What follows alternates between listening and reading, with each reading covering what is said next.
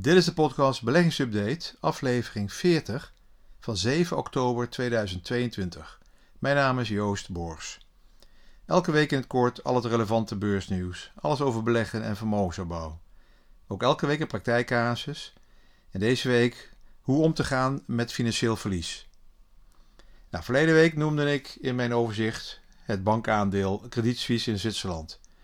Dat sterk onder druk staat om te gaan reorganiseren, herstructureren.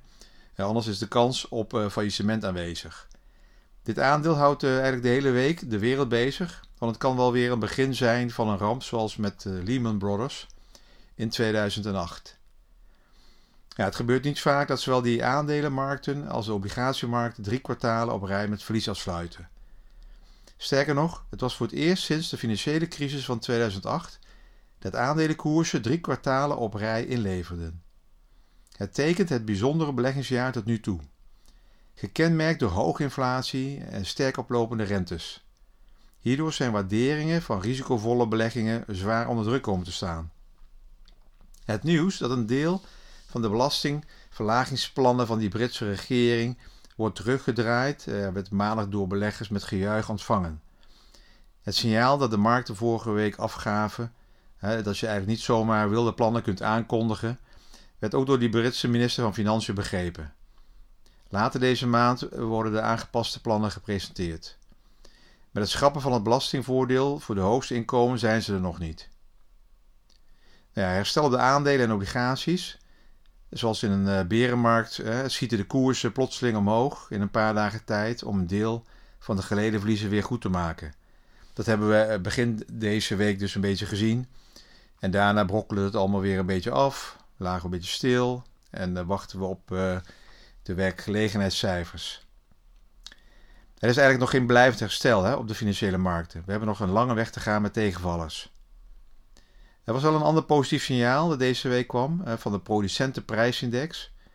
Die noteerde in Amerika een lagere stand. Daarbij is de gasprijs eh, ook aan een indrukwekkende daling begonnen. Nou, heel raar deze daling van gasprijzen. En zijn de prijs van containers gedaald. De laatste 12 maanden van, uh, zijn die containerprijzen gedaald van zo'n 20.000 dollar naar 4.000 dollar. En dat is wel een eh, begin, serieus begin, wat, wat eigenlijk aangeeft dat de consumenten toch wat minder aan het besteden zijn. Daarnaast kwam ook nog een cijfer uit over een aantal openstaande vacatures in Amerika. En dit cijfer gaf de beurs vleugels op eh, dinsdag. Het was het cijfer, het aantal vacatures in eh, Amerika is in augustus gedaald van bijna 11,2 miljoen naar iets meer dan 10 miljoen. Nou, dat zijn de openstaande vacatures. De sterkste daling sinds april 2020. Ondanks dat er nog altijd uh, ja, zo'n bijna 2 miljoen banen openstaan voor elke Amerikaan die werkt of werk zoekt, wijst op een zwakkere arbeidsmarkt. Het, het voedt de hoop dat de Amerikaanse centrale bank mogelijk het tempo van renteverhogingen zal vertragen en de economie niet in een recessie zal duwen. Maar ik denk dat dat uh, nog iets te vroeg is. Maar je ziet wel dus dat tegenvallend macro-economisch nieuws wat nu langzaam een beetje binnenkomt, opeens goed nieuws is voor beleggers. Want lagere economische groei, uh, lagere inflatie betekent dat die forse renteverhogingen misschien wat in de toekomst wat minder zullen zijn. Maar ja, we zitten nu in de eerste week van oktober. En deze maand, die oktobermaand, zorgt voor veel beleggers voor slapeloze nachten. En vanwege de reputatie die de maand heeft. Oktober heeft gewoon een slechte reputatie bij beleggers. Dit komt gedeeltelijk door uh, niet alleen dat het uh, weer omslaat, hè, het wordt herfst. Maar het is ook tijd van angst, hè, Halloweenfeestjes, ook de maand dat bedrijven met kwartaalcijfers komen. En eventueel verwachtingen voor volgend jaar kunnen gaan afgeven. We krijgen deze maand ook nog ASML. We zagen dat Shell op donderdag wat minder nieuws had over het kwartaal. En dan ging die koers ook met 4% in één dag naar beneden. Ja, dus dat is dus eigenlijk de maand oktober. Van alles wat. Maar het heeft in ieder geval een slechte naam in de financiële wereld. Vooral omdat er natuurlijk in die historie in de maand oktober flinke zwakke dagen kunnen vallen. Ondanks slechte dagen en veel bewegelijkheid heeft de maand zelfs vaak een, een positief rendement opgeleverd. Dit is dus eerder een, eigenlijk een mindset dan iets om oktober de schuld van te geven. De meerderheid van beleggers heeft meer slechte maanden septembers meegemaakt dan oktobers. Maar het echte punt is dat in oktober de daling op één dag en de bewegelijkheid, dus de volatiliteit en de daling op één dag, heel erg groot kunnen zijn. Dat noemen we dan een crash.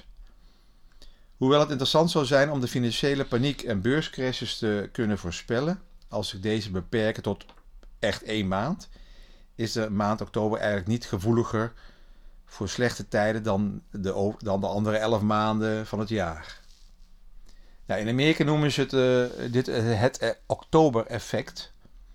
Nou, dit verwijst eigenlijk naar de psychologische verwachting dat financiële dalingen en beurscrash in deze maand waarschijnlijker zullen optreden of kunnen optreden dan welke andere maand dan ook. Het zit dus echt in de hoofd van de belegger, niet in de daadwerkelijke cijfers. Je hebt natuurlijk een paar hele grote dalingen gehad in oktober. En dat is wat blijft hangen. Dat zijn bijvoorbeeld drie gebeurtenissen uit het verleden. De bank panic van 1907. De beurscrash van 1929. Met ook de depressie daarna. En Black Monday uit 1987. En eigenlijk ook in, uh, denk ik, oktober, november 2008 daar ook forse dalingen. Maar dit, deze drie gezien waren dalingen, extreme dalingen op één dag. Dat gebeurde allemaal in de maand oktober. Ja, oké. Dus historisch gezien heeft september echt, echt meer negatieve dagen en rendementen gehad dan oktober. Als je gewoon 50, 60, 70 jaar terug gaat kijken, is september eigenlijk een slechtere maand. Het psychologische effect dat ervoor zorgt dat sommige beleggers oktober de schuld geven van de daling op de aandelenmarkt, kan eigenlijk zelfs tot uh, een van de betere koopmogelijkheden maken voor tegengestelde beleggers. Koop als iedereen negatief is dus. Beleggers die de eerdere stijging gemist hebben, nemen de gelegenheid waar om bij een neerwaartse beurs in oktober overtollige kasgelden om te zetten in aandelen en zo de aandelenbeweging weer te verhogen voor het einde van het jaar. pensioenfondsen, maar ook wel beleggingsfondsen kunnen zich uh, het niet veroorloven aan hun aandeelhouders um, te moeten rapporteren dat ze veel te veel kasgeld hebben. Zeker als de beurzen in een uh, opwaartse tendens zitten na de maand oktober. Daarom kopen ze ook wel vaak bij forse dalingen aandelen bij. Nou, een andere indicator dat het vertrouwen en zin in beleggen afneemt, kwam deze week uit een rapport wat de BNR Nieuwsradio meldde. Ze hebben een aantal financiële instellingen in Nederland geïnterviewd en gevraagd naar de omzet en het aantal transacties. Nou, bijvoorbeeld de Saxo Bank zegt dat uh, die zien een aantal mensen uh, nu uitstappen. die verkopen dat, hun belangen. Uit feedback van klanten krijgen ze letterlijk te horen dat beleggers het een spannende markt vinden. Maar ook bij andere banken en online brokers wordt minder gehandeld en sluiten klanten hun beleggingsrekeningen. Zo zag eh, ASN Bank het aantal aankopen in een jaar met een derde dalen. Een deel verkoopt zelfs al zijn aandelen. Klanten geven vaker aan dat rendementen daarvoor de redenen zijn. ING ziet dat beleggingsrekeningen vaker worden gesloten en dat er minder nieuwe worden geopend. Uit een peiling van ING bleek bovendien dat het beleggersvertrouwen in september was gedaald naar het laagste punt in ruim 10 jaar. Door alle renteverhogingen, problemen met hoge inflatie en de energiecrisis staat de graadmeter van de beurs in Amsterdam, nu, dus de AX-index, nu bijna 20% lager dan begin dit jaar. Dat maakt beleggers natuurlijk beetje angstig en het vertrouwen uh, loopt weg. Maar nog steeds, eh, het trekt toch altijd nog steeds weinig koopjesjagers aan. De helft van de particuliere beleggers verwacht namelijk dat de AX-index de komende drie maanden verder zal zakken. ABN AMRO Bank zag het aantal transacties met bijna 20% eh, afnemen en concludeert dat klanten iets voorzichtiger worden op de beurs. De Rabobank ziet de instroom van nieuwe beleggingsklanten afnemen. Wereldwijd is er eigenlijk ook eenzelfde trend zichtbaar. Zo ontslaat de Amerikaanse online broker Robinhood, die heel hard groeide uh, toen de beurskoersen piek naar piek bereikten na die coronatijd van 2020 tot 2021. Maar ze uh, ontslaan een kwart van het personeel nu, nu klanten het laten afweten. Ze doen heel wat minder transacties allemaal. Ja, de, uh, de Giro, of de, Duitse uh, Flattex, de Giro, meldde afgelopen zomer ook uh, teleurstellende resultaten, de afgelopen maanden. Ook daar lopen de het aantal transacties gewoon fors terug. Nou, op lange termijn is het wel goed nieuws voor de echte beleggers. de speculanten en de korte termijn, de goudzoekers eigenlijk op de beurs, verlaten nu het schip. Ja, voor iedereen te hopen dat niet een zinkend schip is, niet de Titanic, hè, dat we allemaal uh, verder gaan dalen en helemaal wegzakken onder water. Maar het is in ieder geval, dit zijn eigenlijk uh, contra, dit zijn indicatoren voor tegengestelde beleggers die denken van, nou, als er zoveel negatief nieuws is, veel minder transacties, dan zou de komende maanden best wel eens hè, een, een soort uitbodemingsproces kunnen komen op de aandelenmarkt. Maar ja, we hebben allemaal deze dagen te maken met verliezen op je portefeuille of mindere rendementen hè, op die beleggingsportefeuille. Daar heb ik ook mee te maken. Hè. Of het nou obligaties zijn of aandelen, zit allemaal in de min. Dus het is uh, voor iedereen even een uh, heel moeilijk jaar. Volgens sommige gedragswetenschappers is financieel verlies voor sommigen erger dan gewin. En daar blijven ze dus te lang in hangen in het financieel uh, verlies. Als je verlies leidt op je beleggingen, dan voelt dat gewoon vervelend het gevoel van had ik maar, had ik maar dit gedaan, had ik maar dat gedaan. Dat heb, heb ik ook al uh, eh, 30 jaar. Het kan blijven knagen. Maar probeer niet ten prooi te vallen aan zulke negatieve gevoelens. Uh, maak het hoofd leeg en bekijk de situatie met een frisse blik. Slecht rendement is niet per se een gevolg van je slechte beleggingsbeslissingen. De beurs doet toch gewoon wat, wat de beurs wil. Je kan de beurs niet bepalen, je kan er niet de richting op sturen. Je moet gewoon zorgen dat je je visie, je beleggingsdoelstelling en je, je portefeuille op een voor lange termijn is ingericht. We kennen allemaal het knagende gevoel van een financieel verlies. Maar als het een aanhoudende pijn wordt, moet je wel iets aan doen. Want dan zul je je, je toch wel een beetje beter gaan voelen. Vergeet niet dat de waarde van je portefeuille al, altijd hypothetisch is totdat je natuurlijk werkelijk gaat verkopen. Kijk, als je je, je verlies realiseert, ja, en de aandelenmarkt gaat volgend jaar misschien weer toch weer een positief rendement laten zien, ja, dan blijf je langdurig met een pijn zitten. Dus verliezen, verliezen drukken zwaar op, uh, op ons gemoed, zelfs nog meer dan winsten. Er zijn allemaal wetenschappelijke onderzoeken geweest. Het ervaren van verlies voelt over het algemeen twee keer zo erg als het winnen van hetzelfde bedrag.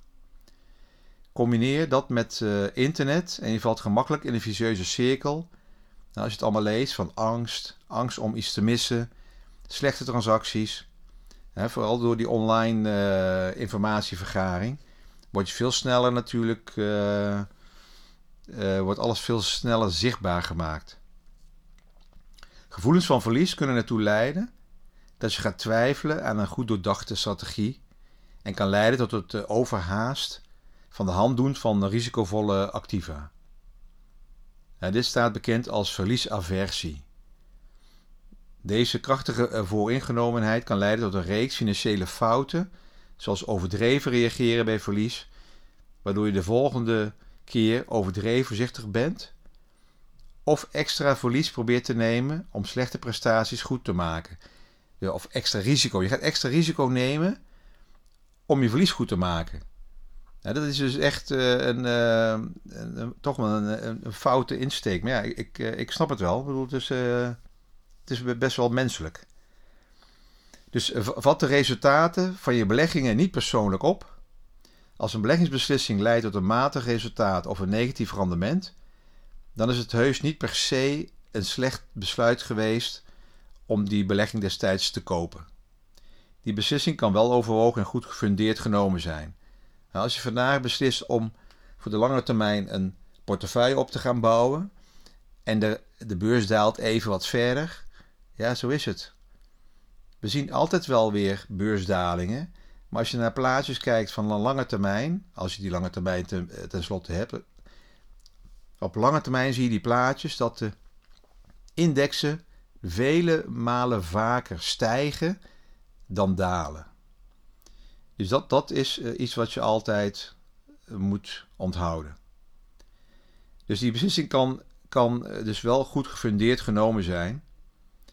Maar zoals altijd hebben we de beweging van de markt niet in de hand. Dat is wat ik eerder ook al zei. Je hebt de aandelenmarkt niet in de hand. Je weet niet wat er de komende 24 uur gebeurt. Of de komende twee dagen gebeurt. En laat het maar los. Dat, dat weet niemand namelijk. Verwijt dat jezelf dus niet op, uh, op een manier dat je je toekomstige beleggingsbeslissingen op een verkeerde manier laat beïnvloeden. Twijfel niet aan jezelf als je gedegen onderzoek hebt gedaan alvorens beleggingskeuzes voor je portefeuille te maken. Nou, ik hoop dat dit allemaal een beetje zinvol is en dat het een beetje rust geeft. Je, bent, je staat er niet alleen voor. Iedereen heeft nu te maken met mindere rendementen. En eh, op lange termijn komt het allemaal wel weer goed. Als je maar houdt aan je eigen lange termijn doelstelling. En niet je risicoprofiel elke zes maanden of elk kwartaal gaat veranderen. Hè? Van defensief naar offensief, van offensief naar defensief. Want dat is veel transacties, verlies nemen, weer op een verkeerd moment investeren. Dat leidt niet tot het gewenste resultaat.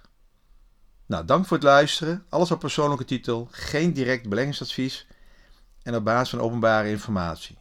Vraag kan je stellen aan info.beleggingsupdate.nl en tot de volgende week.